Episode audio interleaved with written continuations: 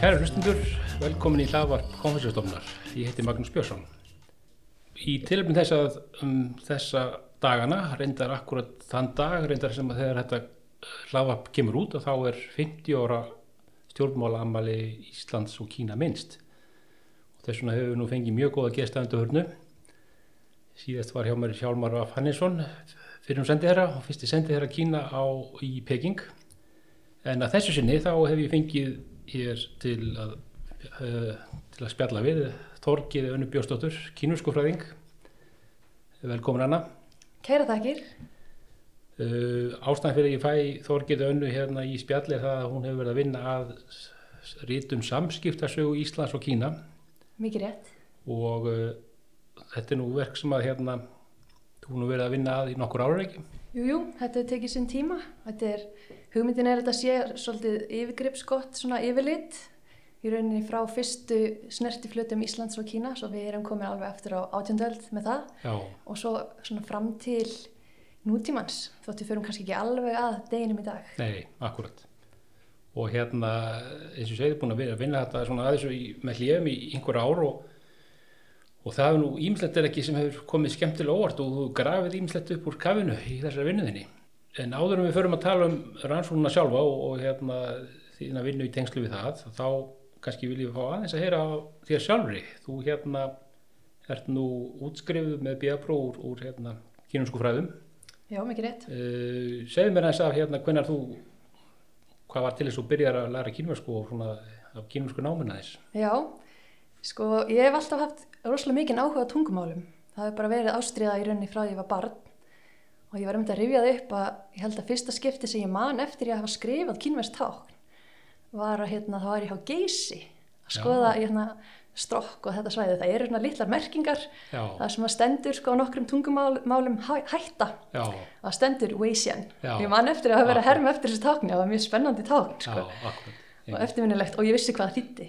Já. Af Því það var á nokkrum tungumálum. Já, sko. já. Svo það er kannski fyrsta minningin um að, um að skrifa kýmjösku. Já, En svo var ég svo heppin því ég var í mentaskóla, ég var í Emma, já, þá var hún Nora Tsai mm. sem er gift Kristjánu Kristjánsinni heimsbyggingi. já, já, Þau voru búsett á Akureyri á þessum tíma og hún bauð upp á svona valnámskeið í kynvesku í mentaskólanum. Þetta hefur verið vorið 2005 já, já, og svo ég tók þarna eitt svona inngangsnámskeið í kynvesku þar sem að ég lærði svolítið kynvesku. Ég man að hún var að láta okkur læra hérna gömlu táknin, Já. Fanti, já, auðvitað. verandi frá Tævan. Hún er náttúrulega frá Tævan, þannig að hún kent ykkur gömlu táknu auðvitað. Já, svo við lærðum aðeins í þessu og ég man nú kannski ekki svo mikið úr námskein sjálfu en ég man tilfinninguna í lokaprófinu þegar hún hafði sett sko örstuttan texta á kýmjösku uh, sem var eitthvað svona, saði frá því að hún hefði kynst manninum sínum í námi og þau ætti son sem væri átt ára, eitthvað þannig. Já, já, Ég man sko tilfinninguna hvað var gaman að geta að lesa hennar stuttan texta á kýmjösku og skilja það. já, akkurat, Það var svona, það sati vel eftir sko. já, En svo liði nú þrjú ár, þar sem í mittiltíðinni ég var að hérna, fór í almenn málvísindi hérna í háskólanum einmitt, og, og var að læra þá sko, hljóðfræði og, og, og setningafræði og allt sem við kemur tungumálum svona fræðilega séð.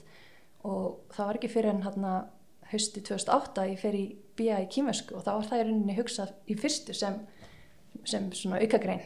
En svo var þetta bara svo spennandi að þetta var mín BIA gráða nummer 2 já, já, og hérna, ég sé alls ekki eftir því þetta hefur verið rosalega skemmtilegt, bæði námið og náttúrulega skiptinámið og bara öll þessi tenging við Kína hefur verið rosalega skemmtileg upplifun Þú varst náttúrulega með fyrstu nefndum reynilega sem að hófa nám í, í, í kínversku í Háskóla Íslands, er það ekki rétt? Jú, við vorum, semst ég er í árgangi 2 Já, og hérna, þegar ég var í náminu þá var skiptinema árið á öðru ári já, já, svo ég fór strax eftir eitt ár hérna í háskólanum fórum við á öðru ári til uh, skiptinámi Kína og ég fór til Nanjing, í Nanjing Já. háskóla akkurat, og þar var allt til fyrirmyndar sko, þetta var rosalega flottur skóli og, og er náttúrulega einn af topp háskólum Kína einmitt, uh, æðislegt að geta valið um sko á hvaða stíi þú værir Já, í kímuskunni, akkúrat. það er svo mikið af nemyndum og, og mörg stíg í bóði þú gæst bara fundið þína hillu og hvað væri mátilega áskorun og svona já, og, og svo var þetta líka svolítið taktíst hugsa sko að vera svolítið miðsvæðis í Kína því ég var búin að ákveða að ég ætlaði að vera duglega að ferðast já, akkurat, þannig það er þannig líkja nú alla leiðir hérna Já. frá þessu svæði. Akkurat, svo þessi gamla menningaborg og gamla höfuborg er náttúrulega bara mjög góður staður til að vera á. Já, Þeir eru líka vel tölun hann úti. Mjög vel, mér þykir mjög vænt um nanding. Já, akkurat. Þannig að hérna, og þú náttúrulega bæði kynst fólki allstarar úr heiminum og svo þetta kynur um eitthvað líka. Já, akkurat, þetta var, þetta var eiginlega svolítið eins og að vera í, sko, talandi um það, það var heimsýningin haldin í Shanghai þetta árið. Já, Ég var hann já. 2009 til 10, sko. Ok, já, já. og hérna þar var náttúrulega svona heimstorpið samankomið en það var svolítið sama tilfinning að vera erlendur skiptinemi í háskólanum þetta var alveg fólk allstaðar að sem var saman í námi og, Já. og allir einhvern veginn að uppgöta Kína saman og ferðast saman og skemmta sér saman og bara ótrúlega skemmtilegt Já, einmitt. ég hef átt, mar átt marga sérst, á marga vini sem hafa heimsótt mig hingað til Ísland síðan þá já, sem hún kynntist bara í, í Nanjing. já, Já, frábært. bara síðast núna í september kom vinu minn frá Chile og heimsótt okkur hérna Já, akkurat. Þannig að þetta, þetta verður stofan til vinnáttu þarna sem að endist æfina kannski. já, ég efast ekki um það Einmitt. Og já, og svo kemur náttúrulega tilbaka og, og klárar árið hérna. Já, kem ég hérna, klára, uh, klára björitgerðir, já, ég gerði tvær til að vera með gráðið í bæði málusundum og uh, kínuskum fræðum Já, já, já. og uh, þær eru hún reynda báðar kínatengdar. Ég skrifaði málusundalega reitgerðum um tíma, sérst tíðir í hvernig tími er látin ljós í íslensku Jónasvegar sem er með beigingar Já, og já. kímusku sem er algjörlega beigingarlaus Já, akkurat. og svo skrifaði ég í sérst kímuskunni þá, þá gerði ég svona viðtalsrannsókn á samfélagi kínuskara innflytjanda hérna á Íslandi Já, já, já. og hérna það var kannski svona kveikjan að því að maður fór að rannsaka kýmira svolítið Já, og hérna já, svo það var bara virkilega skemmtilegt og eftir að ég var útskrifið þá ákveði ég að fara aftur til Kína og ég vildi skerpa betur á málinu og ég var hrættum að fara að gleyma akkurat. og hérna, svo ég dreif mig bara aftur til Kína og, og Já, þá fekk ég starf sem ennsku kennari og var að ferðast og, einmitt. og bara svona dýfka kýmisku kunnáttuna Já, já. En það er náttúrulega þetta er þannig tungumál að það þarf að halda sér vel við. Akkurat, Þannig að þetta hefur bara verið hérna, þú sér ekki til að hafa farið í þetta nám. nei, þetta er mjög skemmtilegt Já, Get alveg mælt með því fyrir fólk sem hefur tungumála áhuga og áhuga á svona alþjóða samskiptum einmitt. Akkurat.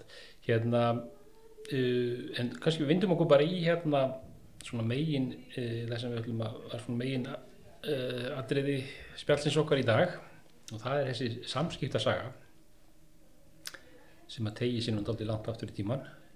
Já, Eh, við ætlum kannski mest að fjalla kannski um þessi síðustu 50 ár en, en þó verðum við nú að fara aðeins aftur því að þetta er nú mjög áhugaverð saga sem er þarna sem er þarna gerist aðeins fyrr og hérna hvað, hvað, hérna, hvað er svona fyrstu hérna samskipti landana í, hvað, hvar, hvað, hversu langt eru að fara aftur Sko í rauninni ef við erum að, að leita upp í fyrsta Íslendingin sem fer til Kína já, þá erum við komin aftur á miðja átjöndöld. já, Þá er þetta Íslendingar sem er að fara í gegnum nýlendu verslun Dana. Já, Danir já. voru með heilmikla verslun bæði Indlandi og Kína já, og hérna, á þeim tíma er náttúrulega kaupmannöfn höfðborg Íslendinga. algjörlega Svo þeir eru nokkrir Íslendingarnir sem slæðast með dönskum kaupskipum til Guangzhou eða Já, Kanton já. eins og maður kölluð á þeim tíma. Einmitt, já, það er mjög áhugaverð Og við eigum að minnstakosti tvær góðar ferðasögur sem hafa varð veist að handritum já, já, já, frá 1760, það er Árni Magnússon frá Geitastek og svo frá 1763 þá er Eiríkur Björnsson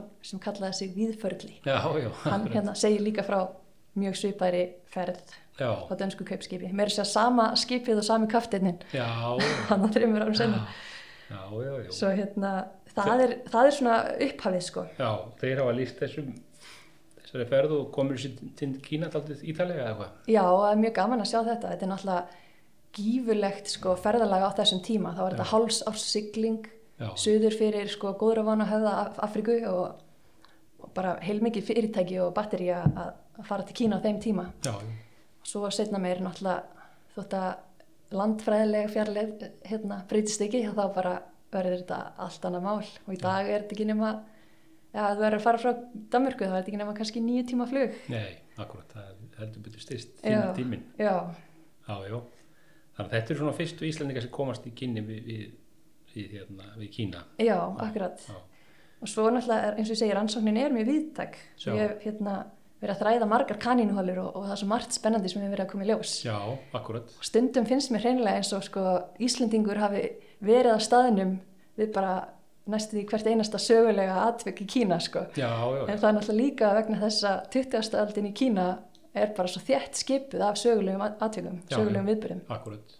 Þannig að það er ekkit hérna, undarlegt í rauninni þó að Þó þó einhver íslendingar hafa verið að slaðast þarna á þessum tíma Nei, það er alltaf mjög áhugavert en það Já. að fyrstir voru þannig annað borð þá er eitthvað sögulegt í gangi já, sko. já, já, alveg það er bara svo mik mikla breytingar í gangi, mikla samfélagsbreytingar og, og þú veist, bæði átök og, og hérna, stríð og, og ham, alls konar hamfarir og, og eins og líka líka bara ymsar samfélagslega breytingar og, og, hérna, og framfarir og, og hérna, já, já, þannig að það hefur verið svona gaman að sjá sko, stundum finnst mann eins og Íslendingur hafi einhvern veginn verið á staðnum fyrir allt sko, Já. bara svona sem dæmi þá Eh, Það var til dæmis þegar Pétur Torstensson fyrirvændi sendið þeirra Íslendinga gagvart Kína þegar Já. hann fyrir sína fyrstu Kínaferð já, til aðvenda trúnaðabrifið já, og þá hérna á hann að aðfenda það 10. september 1976 já, já, og sem sagt hann er komin til Kína og, og svo bara frestast þetta allt saman af því að Mao formaður hann lest þannig 9. já, september já, já, bara Svo daginn hann, áður já, daginn áður, svo hann er þannig að vandraðast að býða eftir að fá svör sko, hvernig hann geti aðfend og,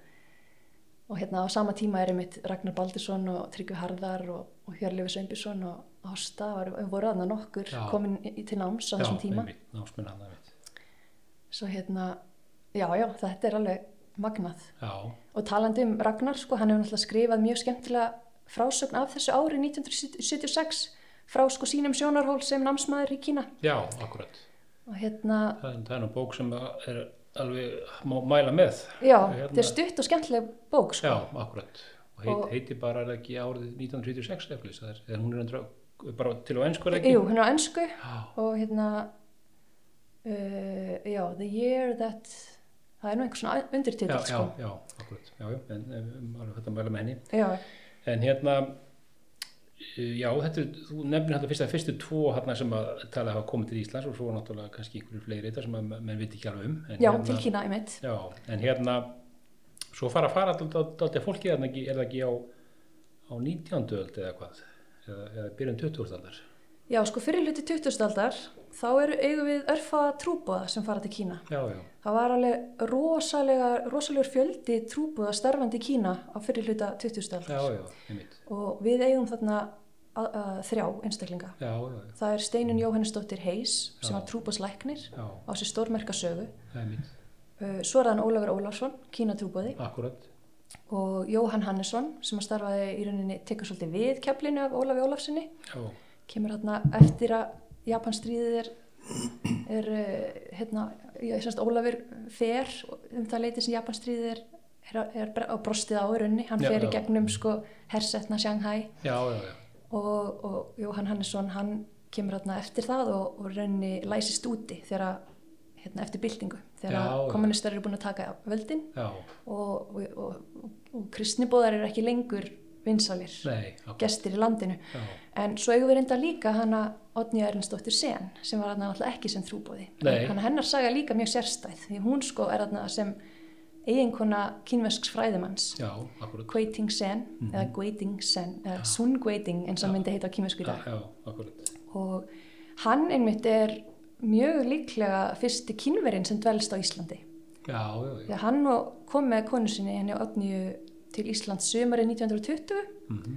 og hann kom nú reyndar þrísar, þrjú skipti með henni sko. því að hérna, hann kom að helt fyrirlestra og, og var að vinna eitthvað í doktorsverkefninu sínu líka já, hérna og, já, já. og þeim greinlega líka vel því þau komu aftur næsta sömar og svo koma þau aftur eða sem sagt koma sömarið 1921 líka og koma líka aftur í desember 21 og eru fram, á, fram í januar 22 Já, já, og hérna, svo þetta eru þrjú skipti og hann, hann mér sé að segja frá því að hérna, í li- litlum- litli bra- blaðagrein sem ég fann eftir hann, eftir að verið eins og ég segi, búin að vera að grafa í ymsum kanínuhálum á Já. tímarit.is að var, það, þá, var það kín, á kínversku þá eða? nei, hann Nei. hefur skrifað ennsku, hann var Já, gífilega já. vel Já. mælandi og, og, og talandi á, á ennsku, eða skrifandi og, og Aha. hérna enda í doktorsnámi í Edinborg Já, akkurat, að þar sem að þau odni kynnast eins og kannski þekkt er ef að fólk þekkir sögu odnjar eitthvað þá vita flestir að hún var í sjálfi háskólanámi og, og starfandi í Edinborg og kynnist honum þar svo þau hérna flytja svo saman til Kína og hún á sér svona öðruvísi upplifun sem sagt það er ákveðin hliðstæða á hjá Ólafi og Odni því þau eru í Kína nánast á sama tíma þetta eru nánast sömu árin sem þau eru í Kína já, já, frá 1921 til 1937 já, nema hvað að Ólafur tekur eitt svona hérna, trúbóða hlið ár, þess að hliðs ár já, já, yfirleitt þannig með trúbóðana, þeir gáttu tekið pásu á nokkur ára fresti í eitt ára eða svo já, og hérna svo þetta er svona, þau koma til Kína sitt hvora leiðina sko, hann fer Ameríkuleiðina já, og hún fer um Súeskurinn sem þá er komin, já, akkurat. Evrópuleiðina Já, og eru þarna á nána sama tíma er að fást við algjörlega sitt hvort hlutin hún er eins og segi gift hérna, fræðimanni og þau búa í, í suðlægu Hafnarborg Sjamen já, þar sem að hann er að kenna við hérna, Sjamen háskóla einmaðurinnar og Já. hún, hún var hann sjálf líka að kenna og, og alveg upp börn, þau eignist þarna tvö börn, höfðu mist einn dreng, það var mjög sorglegt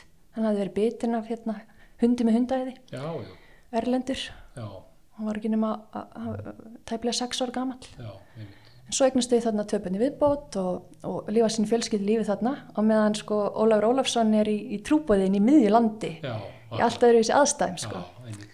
En hérna, eins og ég segi, þá, þá þegar það sammeðilegt að þegar þau koma heim, hann er 1937, Já, þá kafaði bæði í þetta að svona miðla sinni kínaþekkingu. já, Svo það eru engin, engin ís- einstaklingur eða einstaklingar sem hafa miðlað jafn vel og jafn mikið til Íslendinga á 20. öldinni og þau gerði. já, Því að Ólafur, hann einhvern veginn, sko, hann, hann kifti kvikmyndaupptöku vel þegar hann var í Kína á fjórða áratögn. Já, það er alveg magnað. Það er magnað, hann á hérna, kvikmynda, semst að klippur af ki- lífinu í Kína Já, og hann var nú svo almennilegur hann Egil Helgason, dóttursonur Ólafs. Hann hérna gaf mér eintak af heimildamynd sem hann bjóð til um afa sinn já, já, já, og þar er, notar hann þessar gömlu upptökur frá afa sínum, já.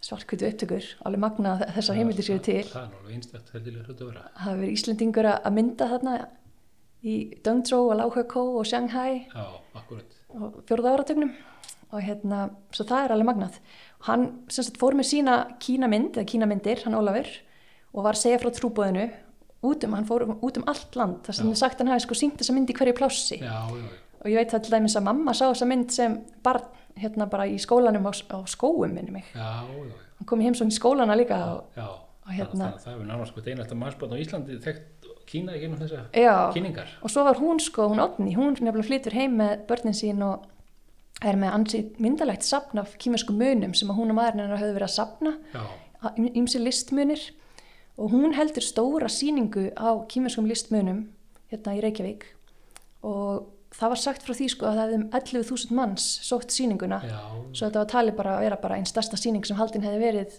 í Reykjavík á þessum árum já, hvað séru? og hún fyrir með síninguna líka norður til Akureyrar og þá er líka þá börn þar sem sá hana og þar á meðal pappi minn Já, svo já. maður sér það bara það- Akkurat. einhvern veginn flestir virðast hafa komist í snertingu við þeirra kínamiðlun Já, á þessum árum uh, hún reyndar heldur síðan síninguna sína tvö skipti aftur með svona um það byrj áratuga hliði hvort sinn sko. já, og, hérna, og svo núna er þessi munir bara í eigu sen fjölskyldunar ég mitt. En hann, hún þá kom tilbaka, eh, einmitt, já, þau, eða þau bæði runni eftir að Japan lágast inn í Kína og hérna, Já. og hún, hún, hvað hún skilur, hún tekur börnin með sér en, en hérna, já, En- einmaðurinn en var eiginmaður eftir, var eftir, Já, já, já. í rauninni sko það var byrjaður ófrýður norðalega í Kína þegar hún kemur já, einmitt, en sko viku eftir að þau fara þá ráðast Japanir á sjáminn já, já, já, já það er ein, átti engum og munar. mutt mátt engum muna og, og miða við hvað hún segir þá virðist hún ekki hafa verið að flýja ófrýðin sko. Nei, nei, akkurat. heldur, þú veist, Já, það að vera bráðgjört að koma í heimsókn til Íslands og taka eitt ár á Íslandi, Já, snúa svo aftur til Kína, virtist vera áallinin, en hérna, svo bara verður ekkert að því þegar það er stríð og ófriður og, Já, og svona erfitt að fara aftur þangað. Já, svo já. börnin þau bara skjóta rótum hér og læra íslensku og þá er nú sagt frá því að þau voru spenntust fyrir því að sjá snjóin á Íslandi, já, hefði aldrei séð snjó, nei, það er ekki snjóraðan í sjaman. nei, nei, Nei, og ég fór nú og spjallaði við hana Signýju sen,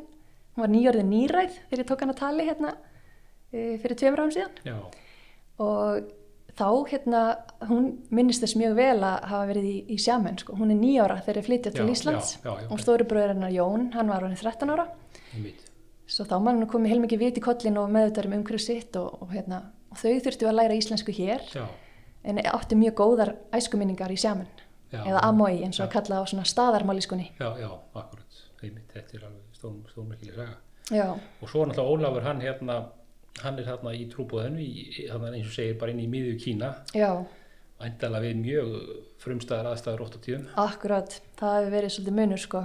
Þau byggu náttúrulega, e, byggu í svona kristnibóðs e, húsneiði, Já, kristnibóðsstöð börnin fóru lítið út fyrir það svæði sko. en hérna trúbáðnir þeir fóru að sinna söpnuðum á kvipin og kvapin og mjög oft fótgangandi já, akkurat. og hérna og svo já, eins og segir þetta eru hérna miklir umbrota tímar í Kína og Ólafur er þarna nú þegar að verða, verða stór flóð á Wuhan svæðinu Já, já, og hérna, svo það er mikill hérna fólks svona flótti þaðan sko, og k- kemur fólk sem er að flýja erfiðar aðstæður og, og þau, hann upplifir mjög erfiða tíma þarna sko. já, akkurat. og svo náttúrulega bara eins og hann segir frá sjálfur, það er ófríður og alls konar ræningja hópar á ferð og, Já, og stundum beinist óanægjan gagvart erlendum gestum akkurat. en hann segir að hérna, það sé nú kannski erlendu gestunum svolítið sjálfum að kenna þeir hafi búið svo um að, að kýmirarni skuldið þeim nú ekkert í þessum efnum Nei, já, Að hérna- hann er bara þannig. hann, hann orðaði það þannig sko, Já. hann er hérna, það viðsittn að sjá það að Já, akkurat. Vesturlandabúar hafi ekki hérna, opnað Kína á, á vingjarniðustu nótunum Nei, sko. nei, einmitt. Já, já. En þau, þau bæði eiga það samir þetta þau hérna áttu ekki aftur kvæmt. Nei, þau, Til- til fengu, Kína. þau fengu ekki tækifæri til að heimsækja Kína aftur Nei, því miður, því að hérna, þá bara var náttúrulega eh, kommunista búin að taka völdin og kannski ekki svo auðvelt að heimsækja Kína á þessum tíma nei, akkurat. nema þú værir e, þeimun rauðari á litin Já, sko. já, akkurat, einmitt. Þannig að hérna Kína eftir, já, eftir þessar þessi stríð og hörmungar sem voru þarna náttúrulega um, um, um miðja öldina þá, þá er dyrunum bara lokað. já. Já, einmitt.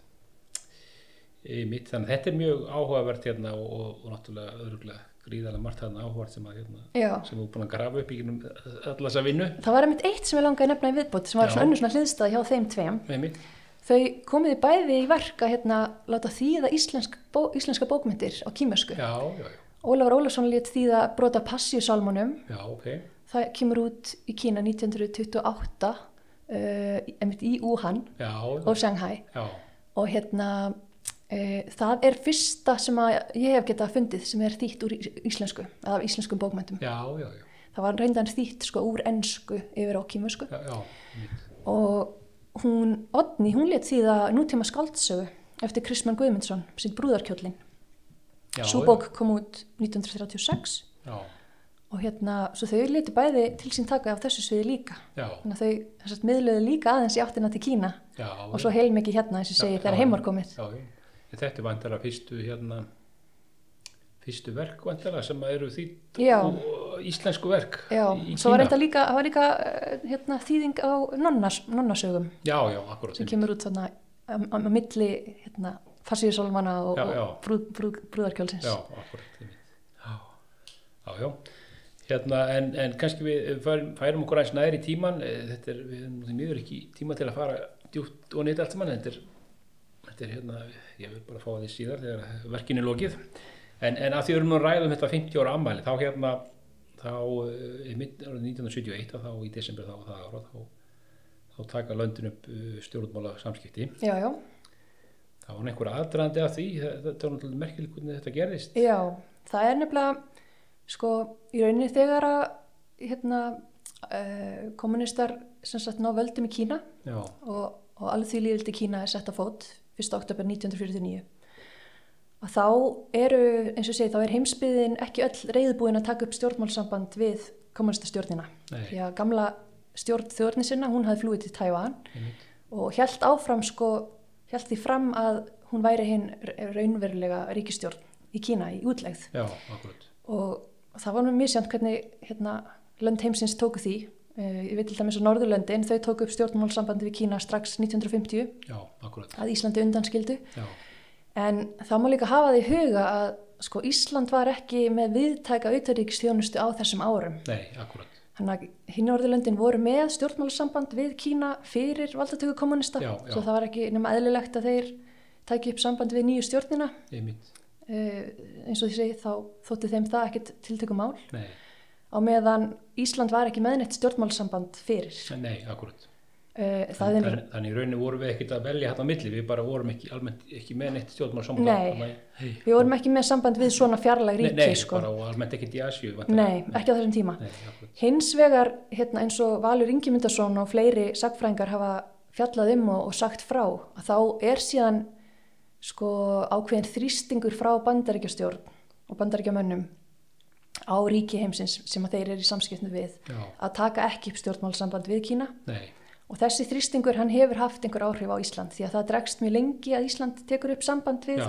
Kína akkurat. og það er þarna ekki fyrir en í desember 71 sem að hérna, tekir upp stjórnmálsamband Einmitt. og þá, hérna, þá hafði, hafði orðið stjórnarskipti á Íslandi þarna um sumarið Já, og, og, og hérna nýja ríkstjórnin sem, að- sem að tók við hún var reyðbúin að að taka upp stjórnmálsamband við Kína, það var bara eitt af stefnumálum hennar já, það hefur bara verið stjórnars áttmála núna, eða ekki? Já, það var það. Já, akkurat. og hérna svo þá líður ekkit á svo löngu þanga til að uh, sem sagt að Íslendingar taka upp stjórnmálsamband við Kína og, og um þetta leiti var náttúrulega hérna Kína líka viðkent af saminu þjóðunum Já. sem, sem sagt, uh, sem sagt kommunistu stjórnin sem uh, sem hérna representativ kemur nú bara ennsku sletta Já, hérna fulltrúi. fulltrúi Já. Kína meginlandsins innan saminu þjóðuna Akkurat. Þannig að þetta, er- þeir- þetta er svona, sam- já, akkurat á þessu, þessum árum og þegar þessu ári. Þá það var á þessu ári sko Já, akkurat, og þá eru hlutinir heldur betur að gera. Já, þá hlýtur Kína sitt sæti innan saminu þjóðana Já. og Ísland var í hópi þeirra ríkja sem að studdu þá tillögu Já, já, akkurat. á allsera þinginu. Já. Þannig að Kína er að opna stundar fyrir umheiminum akkurat á þessum tíma. Já, og bandaríkjumenn voru þá líka búin að sjá sko haksinn í því að, að sleppa tökunum af þessu og svona smám saman sko. Einmitt. Var að verða það ljóst að það væri betra að, að stefna að uh, normaliseringu við, við Kína. Já, akkurat. Svo Já, já, hérna, Nix- Nixon fer hérna í þess að frægu heimsóknum akkurat, á þessum árum hann. Ah. já, hann fer næst- árið eftir sko, Já, hann fer já. 72. Já, akkurat. Það er mitt gaman að því hérna að þegar okkar fyrsti sendera sem að var Sigurður Bjarnason Já. þegar hann kemur til Kína að, hérna, að henda sitt trúnaðabrjöf Já, uh, 73 og hérna þá er hann náttúrulega farið með hann í, á, á Kínamúrin sko og sín hann um þessa dæmigerðu hérna, túristastæði Já, sem að já. maður verður að heimsækja algjörlega. og hann er að ganga aðna með, með skemmtilegum hópi fólks og, og hans leiðsjómar segir já, nú ert þú komin lengra heldur en Nixon og hans fylgilið fór hérna þegar þeir voru hérna í fyrra Já, já, akkurat. Hann hefur verið betri gungugarpur en Nixon. Já, akkurat, einmitt. Vandilega allir farið á sama, sama, sama stað á múrnum. Já, Já, já. þetta hefur verið svona staðlað hjá þeim. Já, akkurat. Já, já, en hérna, síðan drífa kínjóðurinn þeir, þegar svona fljótlega, þá, fara, þá setja þeir upp sendir á þeirna í í Reykjavík. Já, þeir voru nefnilega ekkert að tvínuna við hlutina. Um, þeir drifur sig bara hálfa ári eftir að stjórnmálsambandi tekið upp. Þá er, eru kýmverjar að setja upp sendir á hérna í Já, Reykjavík. Og þeir koma þarna hópur, semst, hvað var þetta, 7-8 manns, koma hérna í lokmæ, Já, 72 og, og hérna dveljast á hótel loftleiðum og setja upp svona tímabundið uh, sendir á þar bara í eitt mánuð að með þeirra að skima eftir húsnæði, heppli húsnæði þeir lendu nú vist í því að hérna að fólk hefði eitthvað verið að hækka verðið þegar að komi ljós að þetta verið sendiráðsmenn já, já, já. svo þeir voru ánæðir þegar að hérna Gísli Gunnarsson heitinn sakfræðingur hann hafði ákveðið að leigja íbúinu sína út til tveggja ára að lámarki Já, já, þegar hann var að fara erlendis já, vera, vera í Svíþjóð, sennilega við nám já, og hérna, hann var reyðbúin að leiða um íbúðina og það var ekkert verið að breyta um verð sko. Nei. það var bara, svo þeir var hæstana með það já, já, já. en, en þá kom nú upp sko annað svona smáatriði sem að Gísli sagði mér frá sem mér fannst svolítið skondið að Já, hann, hann leta að vita að hérna, þetta væri í felsmólanum sem sagt, í felsmóla 20 það Já. sem kallað hreyfilsblokkin já, bara í blokk akkord svona, Já. klassískri. þetta var bara í alv alveg blokk Já, sko. einmitt. og hérna sendir að það opna þar hann leit mér vita að hérna, sem sagt, hann sagði kýmur önum já, svo í desember þá er hérna eh, svona ákveðið að öll suður hlið blokkarinnar sem snýða, snýra miklubraut þeir, þeir setja upp jólaserju og sendir ásmenninni litu eitthvað svona hvern annan svona hálf híkandi sko og eitt sagði já það er nú pólitíst viðkvæmt mál við þurfum að aðtöga með þetta Já, og hann segir já sko serjan er rauð á litin já, og þá fóru þeir að hlæja og svona Já. já, það þótti góð, góð tíðindi og daginn eftir var þetta samþygt og ekkert meira Nei. rætt um það. þannig að þeir að setja bröða seri og... Þeir hafa gert það bara rétti liturinn fyrir þá. Já, ekki mál með það. Já, svo það var kannski ekki svo pólitískt viðkamt lengur. Nei, akkurat. Já, já, þannig að þetta er mjög, mjög gaman að þessu. Já, og sko kýmverar, eins og segið, þeir voru snöggjar að setja upp sendiráðið, uh, svo bara, einmitt aftur, halva ári eftir að sendiráðið opnar, þá rýður á sko uh, eldgós í vestmanni Já, og þá reynast kýmverar bara vinur í raun. já, Því að Kína var fyrsta ríkið utan Norðurlandana sem að færði Íslandi fjárstuðning já, já, já, og það var einmitt heldur betur djúb kanínuvala sem ég þurfti að grafa til að finna hver svo upphæði hefði verið. já, Það var rúmlega 6,6 miljónir króna, Já. íslenska króna, á þeim tíma. það er nú verið vel upp á þeim tíma. Mér skilst að það sé einhverju týjir miljóna í dag, sko, Já, samsverið því. Og hérna, svo þeir stiðja Íslendinga hérna vilja, vilja koma vel fyrir, nýbúin að setja upp sendiráð, vilja vera vinnur í raun. já, Svo þeir gera þetta og, og það fór til Rauðakrossins og hérna, þessi peningur var séðan nýttur til að hjálpa flóttamönnunum, það flúðu náttúrulega allir 5.000 og eitthvað eh, frá Vestmanni jú, jú, akkurat, og, hérna, og líka eitthvað notaði ég að endurbyggja þorpið og svona. já, Svo þetta, þetta kom sér vel, þessi sjóður. já, jú, ég mitt. En svo hérna, en, en það er alltaf verður smá byða á Íslandingar setja upp sitt sendir á sem við kannski komum að þeir síðar, en en hvað er svona þetta fennú, það er nú ekki mikið að gerast þannig er það uh, þessum, þessum fyrstu árum hann að, Nei, þetta virðist það að verið frekar rólegt sko. Já. En það var nú samt þannig að hérna, þeir fóru að setja einhver menningar, eh, einhver menningar hérna, við brygis af stað og Já. Kím sem náttúrulega Kímisk Íslenska menningafélagið sem hafi verið starfað, starfandi alveg síðan 1953 já, voru þarna náttúrulega komin með góðan liðsfélaga með Kímiska Akkúrat. sendiráðið og ég mitt, svo þeir standa fyrir ymsu bæði heims og bortennisleikara, kímiska bortennisleikara sem kom hingað og, og vörusýningu í hérna, á hérna kjarvalstöðum já, og einmitt. svona hitt og þetta sem Já. við fara að gera og svo fara þær að árita vegabrjöfs áritanir til Kína Já. það voru nokkri íslendingar að slæðast þangað já, já, já, uh, á þessum tíma var líka hérna Vietnamstríðið í alg algleimingi já, þannig ég veit að að sumir sem flugu til Kína á þessum tíma, þeir bara flugu yfir átakasvæði sko, sáu bara út um gluggan á flugulinni bara að vera átök hann á, á, á Já. jörðu niðri sko já, já, já, ekki vilt. mm Já, já, já, og svo er náttúrulega er hérna, er að koma list, einmitt listamenn og listafólk Já. frá, frá Kína og var ekki í einum hópnum hérna, nú er þetta fórsetta frá Kína, hvernig var þetta? Jú, Getur ekki að passa það? það passar, það passar Li Peng Yuan, Já, hún hérna þetta voru viðbörði sem að hérna vöktu miklu aðtegli á Íslandi. Já, hún kemur hérna með svona, svona hérna, þjóðlaga hérna, tónlistarhópi Já, já, og, og Kím emitt tekur vel á móti henni og Arthur Helgason sem var formar Kím í 30 ár og er Já. núna vináttu sendið þeirra Kína á Íslandi. einmitt, Hann var í hópi þeirra sem að tók vel á móti þessar ungu, ungu söngkonu og, og kynntist henni og, og svo síðar er þetta bara fórseta frú Kína, svo Já. það er hérna... það er þetta gaman að því. Já, og í rauninni áhugaverð tilvílina sko árið áður eða var það árið eftir nú, nú gæti það ske- skeika í eitt árið hvora átt sko Já, en sem sagt að Xi Jinping fórseti, hann kemur líka til Íslands um þetta leiti já, eh, sem ungur aðstofamæður Gang Bjá sem kemur í ofnbæra heimsókn það er Já. fyrsta ofnbæra heimsókn kýmvesks erindrega til Íslands já, það er aðtegli verið. að hérna,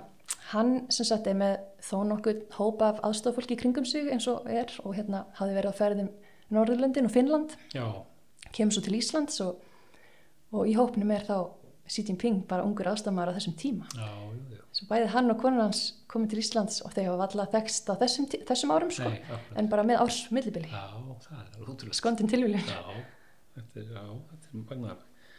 En svo hérna, svo opnar Kína náttúrulega stóru dinnar sínar Já, og þá fara hann náttúrulega, fara hann hlutin að gera svona einhver leitir ekki. það er nefnilega alveg rétt sko, það er í rauninni ekki fyrr en að, að Kína tekur upp opn, opnunastefnuna Já, og svona uh, fyrir að horfa til vesturs og fyrir að sko, eins og Deng Xiaoping sagði að það væri, að væri eh, hérna, allt í lægi að verða ríkur já, þess að það væri engin skömmi því Nei. sem náttúrulega kommunistarnir á undananum hefði ekki tekið undir kannski nei, nei, það var gekk algjörlega í bergu við það sem það var búið að segja þar á undan. Já, en hann sá það að, hérna, að hann gæti kannski e, já, hjálpa þjóðinni best með því að að stuðla að efnagsvexti eða upp, efnagsuppgangi uppgangi í Mm. Kína Nei, að hérna, já, svo það er eftir opnustefnan hefst og, og Kína fer að líta til vesturs og hleypa viðskiptum að, að þá fara hjólinn að snúast svona bara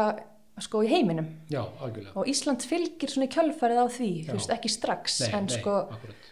en það kemur að því og hérna, og þá fer fólk að svona að skoða sko framleiðslu í Kína og, og fyrirtæki að vera með starfsemi sína í Kína, láta framleiða eitthvað fyrir sig þar og Já, og hérna þannig að það er svona út frá því sem að, sem að Íslendingar svolítið vakna upp og svona já, við þurfum nú að vera með sko sem sagt, viðveru eða sem sagt, við þurfum að vera með fulltrúa já, í Asíu og Kína virtist þá bara vera besti kosturinn vissulega hafiði verið íhugað líka Japan einmitt, því það voru viðskipti, heilmikil viðskipti komin af stað við Japan einmitt, en það var svo bara við nánari aðtjóðin ljóst að sem sagt, sendiráðið myndi ekki hafa mikil áhrif á viðskiptin í Japan nei, á meðan sendiráð í Kína hefði talsverð viðskipti þar sem að þau væru kannski undir strángara eftirliti ríksins og, og svona ekki alveg frjálsmarkaðir. nei og svona ágætt að hafa einhvern veginn til að svona tóa í spotta það sem að þurfti. Akkurat, akkurat.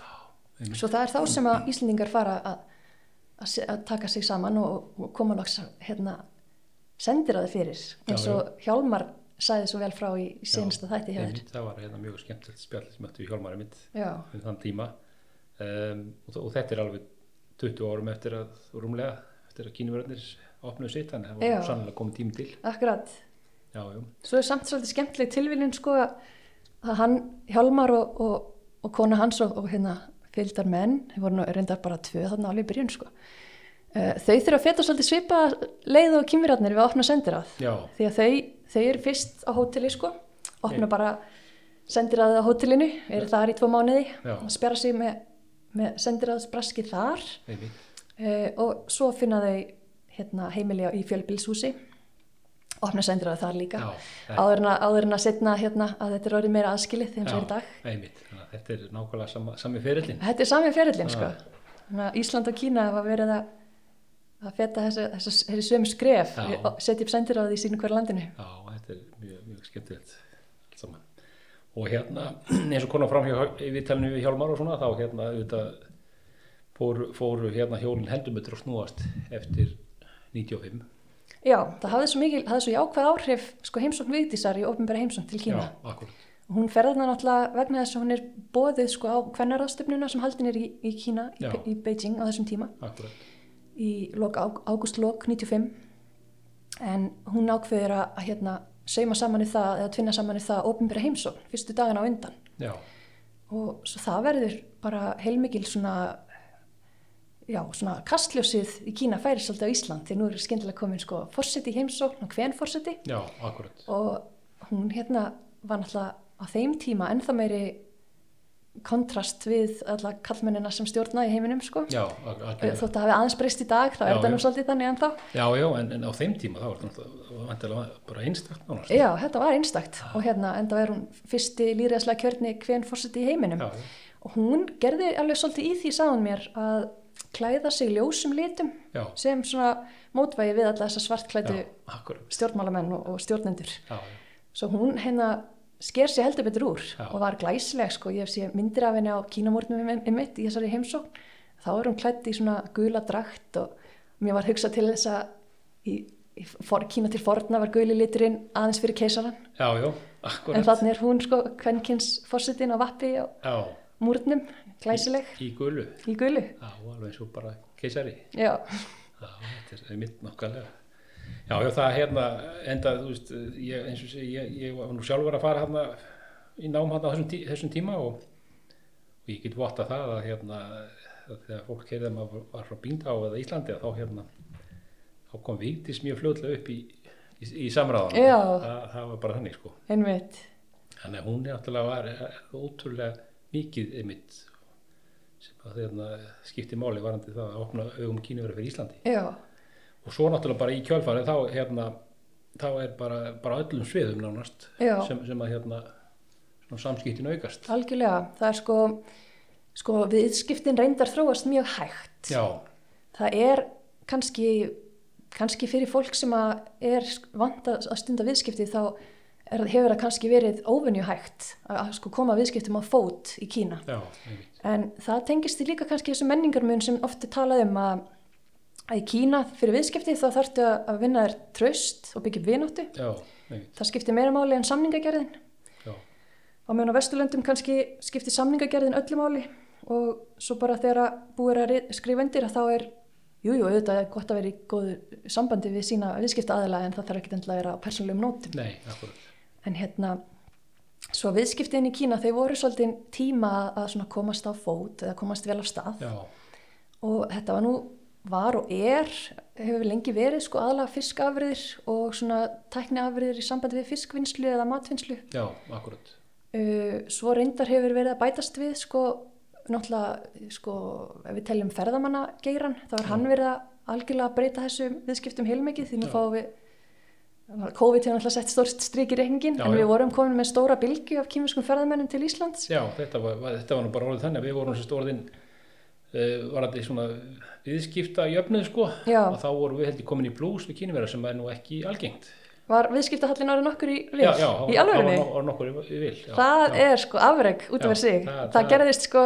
Það er ekki mörg lönd sem geta státt af því nei, við, við getum státað því eitt skipti áður og það var fyrsta árið sem að eftir að sendir að kýmur í opnað Íslandi Já, já. eftir að við tókum upp stjórnmálasamband þá hefðum við selt kýmur í með eitthvað á áli Já, já, og hérna, þeir hefðu eitthvað lítið náða Já. að selja til Íslands Já, það, það árið akkúrat. og mér fannst þeim eitthvað svo skondið þegar að, hérna, einu að tveimur árum síðar þannig, að þi- já, einu árum síðar, þegar Sigur Bjarnason fyrsti sendir okkar í Kína, er í Kína þá hefur hann orð á því sko, að viðskiptahallin sé búin að sko, sjá orðin kýmurum í vil og við þurfum að fara að laga þetta Já. þetta er náttúrulega hérna, ekki auðvelt mál í viðskiptum við Kína við erum Nei. með viðskiptahallan í einhver- einhvers konar jöfnuði já, það hefur nú bara í gennum aldinnar hefur það nú Akkúrat. verið, verið erfitt það hefur verið leitt til ópíumstríða og ég Já. veit ekki hvað sko. Nákvæmlega, En hérna, já, já, svo við hefum náð því hérna eh, einu sinni áður og greinlega áhugavert að, hérna, að ferðamannaströymurinn hafi verið orðin það mikill að þetta var orðið. já, já, hann, hann miskist að sé sé Já, þannig sko ég vissi það allavega, þetta var alveg komið upp í sko 90.000 manns á ári sem Já. komið hérna Já, og stemdi bara í fjölgun sko. já, já Þannig að, já, Þannig að þetta er svona, já, já, en það er náttúrulega eiga viðskipti í Kína, það er þetta svona ákveðin kunst, þannig að kannski hefur tekið sér tíma sína já, að hérna koma því það var áfram. ýmislegt samt sem að, sem að rúlega gang sko. Það voru Já. skipasmíðar í Dalien og Einmitt. og á- í- hin og þessi framleiðsla svo bara fullt af Íslandingum sem eru með sína eigin fyrirtæki sem hafa Já, farið á Guangzhou síningarnar einmitt, uh, Íslands kýmiska viðskiptaráði sem var sett upp hvort það var 95 eða 6 já, um það leiti sem að sendir að það opnaði einmitt, það hérna var líka fljótt að far, farið að hérna undirbúa svona ferðir á Guangzhou síninguna, já. vörusýninguna Einmitt, og hérna, svo það var sem sagt, hlutinni fór að rúla og, og það voru nú alveg einhver örf á fyrirtæki sem höfðu verið í business lengur sko, já, sem höfðu verið að flytja inn kýmisk matfæli og, og, og hitt og þetta dekk og, og loðskin ég veit að það voru hérna loðskin frá Kína sem voru notið í laurugluhúfur fyrir Reykjavíku laurugluna Já, já. á hérna 8. áratögnum ok, Akkur- hérna, en, en eins og ég segja áður, og hérna, sérstaklega áður en að, að stjórnmálsamband var tekið upp að þá voru það bara hérna, hægt að telja á hendi eh, sem fingrum annar handar hversu margir voru í viðskiptum Já. við Kína sko. einmitt, akkurat, og þá voru það náttúrulega stjórnmálaskoðanina sem, að, já, sem að tryggðu þau tengl sko. já, akkurat, einmitt, já, já. En svo hérna fyrir utan náttúrulega viðskipti og, og þessi hérna, það allt saman, þá er hérna náttúrulega ma- margt annað, eh, bara allins menning og, og hérna og mentun og annað slíkt Já. sem að hefur tekið stórum skrefum fram á við. akkurat, það hefur svona samskipta þessum sviðum já, það er náttúrulega stærsti skrefin kannski eins og á sviði mentunar er þegar að farið er að kenna kínvesk fræði við Háskóli Íslands 2007 já, svo á- ári síðar eh, opnar hérna Konfúsiusstofnunin einmitt, og, og sá, á, á sama tíma þá hefst íslensku kennsla, kennsla við hérna Beijing uh, Háskóla Erlendra tungumála já, akkurat og þaðan hafa verið, að- verið þá að slæðast nefnendur semst, uh, bæði sem hafa lært íslensku já, og, og hérna og svo íslenskir nefnendur sem hafa lært kýmversku já, já, og við erum komin með nokkra góða fræðimenn sem eru þá færir á, á þessum tungumálum Algjörlega. og, og hérna eru jafnvel í doktorsnámi já, og hérna farnir að geta pluma sér mjög vel á tungumálunum sko. einmitt þannig að þetta er svona hérna tekur þetta sinn tíma en, en við það er komin hérna vísir að, að hérna akkurat eh, fólki sem að hefur mjög góða þekkingu á, Já, á þessum sviðum og sko það er nefnilega málið að það er rosalega dýrmætt að fara í nám til Kína til dæmis og Já. þá eins hingað því það er allt annar handlegur að, að búa í Kína sem sko starfsmæri fullir starfi í business eða hvað það er sem þú ert að gera einmitt, eða sem námsmaður. Já. Námsmaðurinn hann fær ákveðið svona frelsi og tíma til þess að kafa í tungumálið og, og ferðast aldrei frjálst, hann er ekki bundin sínu starfi. nei, akkurat að ég veit um fjölda Íslendingar sem hafa verið í, í business í Kína en, en ekki alveg haft tíman eða tækifæri til þess að læra kýmisku vel. Nei, akkurat, Þannig að það hefur líka verið sko svolítið munurinn. já, Þannig að ég mæli með því að ef fólk hyggst læra kýmisku að, að taka þetta alla leið og gefa sér tíma í það. já, já, einmitt það er alveg eh, þess virði Já. hérna, en svo, já, svo um, þú eins og þú nefndir hérna að kynverðarnir sem hafa verið að læra íslensku það er nú hérna einmitt er nú mikil mannöðu þar á, á köflum já, sem, sem að, ég- mér finnst kannski við oft ekki hérna oft ekki meta eða, eða svona allavega tökum ekki mikið eftir já, hann er nú kannski komið aðeins í viðtölum allavega hann einn, hann Haldur Jangsinju já, sem að hérna hefur verið í bókmyndum, einmitt, lært íslenskar bókmyndir. hann hefur þýtt alveg fjöldan allavega með íslenskum bókum í Kína Já, og sko þýðing hans á hundadögum, já, hún var valin sem besta erlenda skáldsagan í Kína. Þetta er mjög svona merkileg bókmyndaverlun já, akkurat uh, hérna, hér um árið, það er nokkur ár síðan. já, já, og hérna, svo það er heilmikil viðkenning og auðvitað aðeinslegt fyrir Íslandinga að að þeirra bókmyndir fái kynningu í Kína já, já og sömuleiðis, líka svona merkilega viðkenningu já, og sömuleiðis einmitt fyrir hérna ungan fræðimann að fá svona viðkenningu, það er bara já, já, glæslegt. einmitt Svo já, við höfum verið með einhvern slæðing alltaf af fólki sem er að læra tungumáli já, og, og misjönd kannski hvað fólk fer langt, Já. en þetta eru hérna, eins og þú segir, þetta er mannauður. já, algjörlega og, og svo auðvitað heilmikið, heilmikið menningarstarf og sko, svo ég tala nú aftur um kínversk íslenska menningarfélagið, já, Kín, já, að þá hafði svona þeirra hlutverk svolítið breyst, þetta var mjög pólitist þegar þetta byrjaði þannig 1953, já, einmitt hafði svona þróast yfir í að fókusa meira á menningamálin og hann viss- vissulega var það alltaf sko menningarfélag, hétt það frá byrjun. En uh, það hefði verið lengi svona tengilegur og, og var og er tengilegur við Kína. Hefur stuðlað að menningarverkefnum á milli Íslands og Kína, senda tónlistamenn til Kína eða, eða, eða íslensk ungmenni til Kína já, uh, á, á fjölista eða, eða svona alþjóðlegar hátíðir og, og aðstóð íslenska tónlistamenn sem vilja fara til Kína. já, einmitt. Og það er til dæmis hérna á, á sjönda áratögnum. Þá fer, uh, ég man ekki alveg nákvæmlega ártalið, en þá fara stuðmenn, en sérst stuðmenn og Raka Gísla, kölluðu sér strax. já, Þeir en- fara- á nýjönda ártunum ekki geta gjörð Já, nýjönda fyrirgeði, já, nýjönda já, áratögnum. já.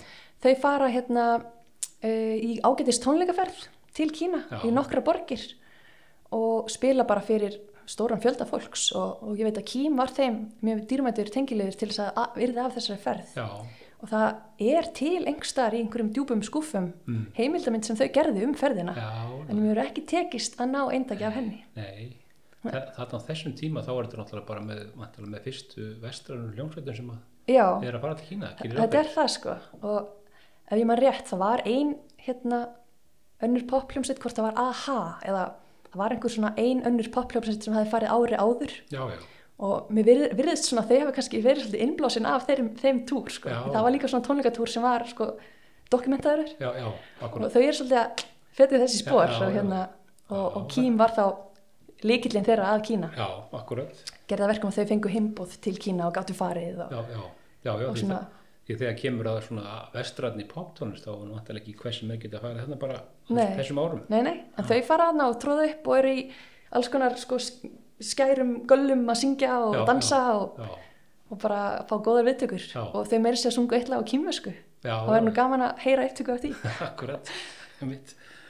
Já, en þetta er alveg ótrúlega hvað leynist er einnig í, í þessa sögu þegar Já. það kafa þessi oníana. algjörlega og, og, og sko sömu leiðis með sko snertifleti Íslendinga og Kímverja að sko að því við erum að skauta svona yfir vitt svið Já, já, mitt. þá glemdi við alveg að tala um sko að hérna að hann Stingrimur Hermansson þegar hann er hann var orðin utaríksræðara þá eða nei, byrju, nei, nei, nei, hann var fórsetisræðara fyrir ég Já, Hann- Steingrímur Hermansson, þegar hann var fórsætsræðara Já. þá er hann kallar á fund sko, kímerskra yfirvalda þá var, voru þeir að taka smá svona seríu af Norðurlöndunum, þau fóru all, allir fórsætsræðara Norðurlandana, fóru til Kína já, já. nema hvað Steingrímur var svo eini sem fekk að hitta Deng Xiaoping í einn personu Já, já, já. og svo hann er þarna, mér minnir þetta að vera 1979 getur það ekki passað?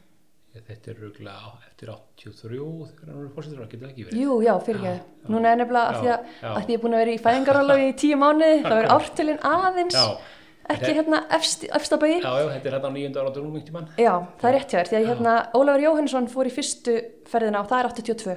Já, já, Hanna, mér minni það, að það, já, fyrir ekki að það var Göngbjá kemur til Ísland 79, já, svo er Ólafur Jóhannsson fer til hérna Kína 82 og Stengrimur Hermansson fer hérna, hvort það er 80, og- já, ekkert svo lengur síðar. nei, nei, akkurat. Og hann er svo eini af, af hérna, fósitræðarum Norðurlandana sem fær að hitta Deng Xiaoping í Já. eigin personu já, og þá eru menn, eða fólk sem sagði að það væri svolítið dæmigert fyrir Deng sko. já, og fyrir kýmur kannski að sína að, að sá minnsti er ekki endilega neitt ó, ómikilvægari Nei, eða nei. ómerkilegri en aðrir já, sko. já, akkurat og, og Hjálmar hérna, Vaff Hannesson fyrir um sendir okkar fyrsti sendir hann einmitt sem var í Kína með, Já. með bústað Akkurat. hann sagði mér það sjálfur að hann upplýði þetta að sko, kýmverjar segðu sko að sko, s- lítil ríki eru alveg jafnfætis öðrum sko já, og þau hafa til dæmis eh, jafn stórt atkvæði á allsverðingi saminu þjóðana einmitt svo hérna og hann upplýði það alveg að, að honum væri ekkit hann væri ekkit sniðgengin fyrir það að vera frá litlu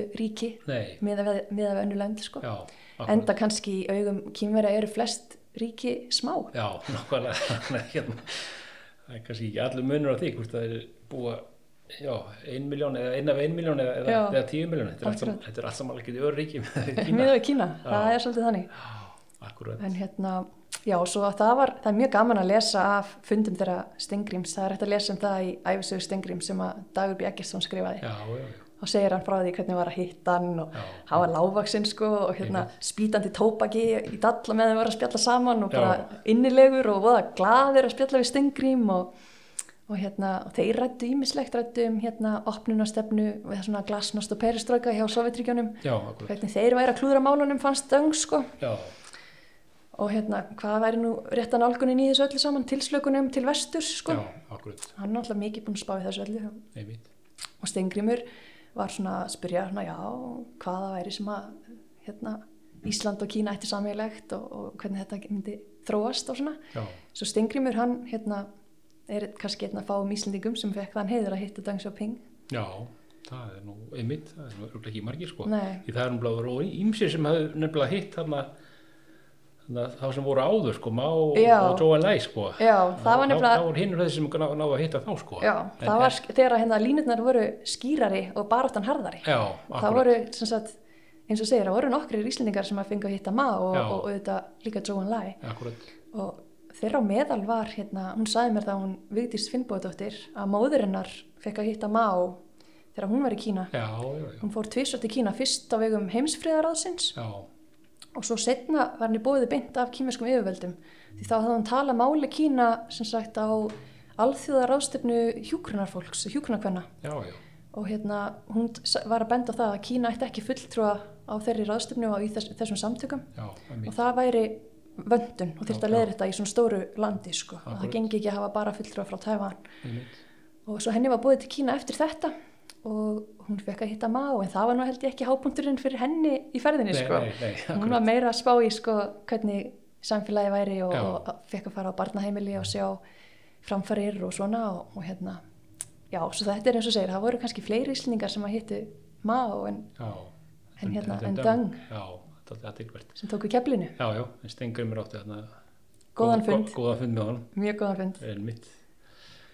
Heyrðu, þannig að þetta er bara mjög gaman. Hérna ég, ég fæði nú bara aftur þegar, að, þú- þegar verkinu er lokið og þetta er svona, þú er búin að setja punktið fyrir aftan í. Þetta er nú bara svona kannski stiklu um daldi á stóri í þessu. Já, það er auðvitað margt sem tekur við síðan sko, þú veist, Já, eins og þú þekkir sjálfur að hérna, eftir að háskólasamstarfið allt þetta byrjar og, og svo Já, já. er e, heimsýningin Íslendinga náttúrulega hérna tóku þátt í olimpíuleikunum og unnu silfrið já, já. Það í er, handbóltanum það og er alveg ótrúlega margir hluti sem að... svo var það heimsýningin þannig að 2010 Já. og, og svo ímislegt samstarf Já. og hérna norðurslóðamálin og, Einmitt. og svo það er hérna, þetta tegið sér mjög víða Já, en akkur. hérna og, og náttúrulega hérna, fríverslunarsamningurinn þótt að eins og fólk hefur talað um sko að þá kannski hafi viðskiptin ekki ekki tekið stökkbreytingum eftir hann eða ekki vaksið jafn mikið og fólk bjóst við en, Nei, en já, það er eins og segja, það er margt sem hægt er að tala um í þessum Já. efnum við hérna eh, bara gangið vel með þetta verk og, og ég,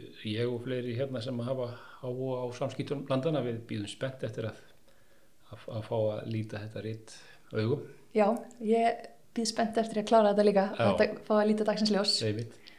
Bara þakka að kella fyrir komin og gaman að fá þig. Takk hérlega, sem við leiðis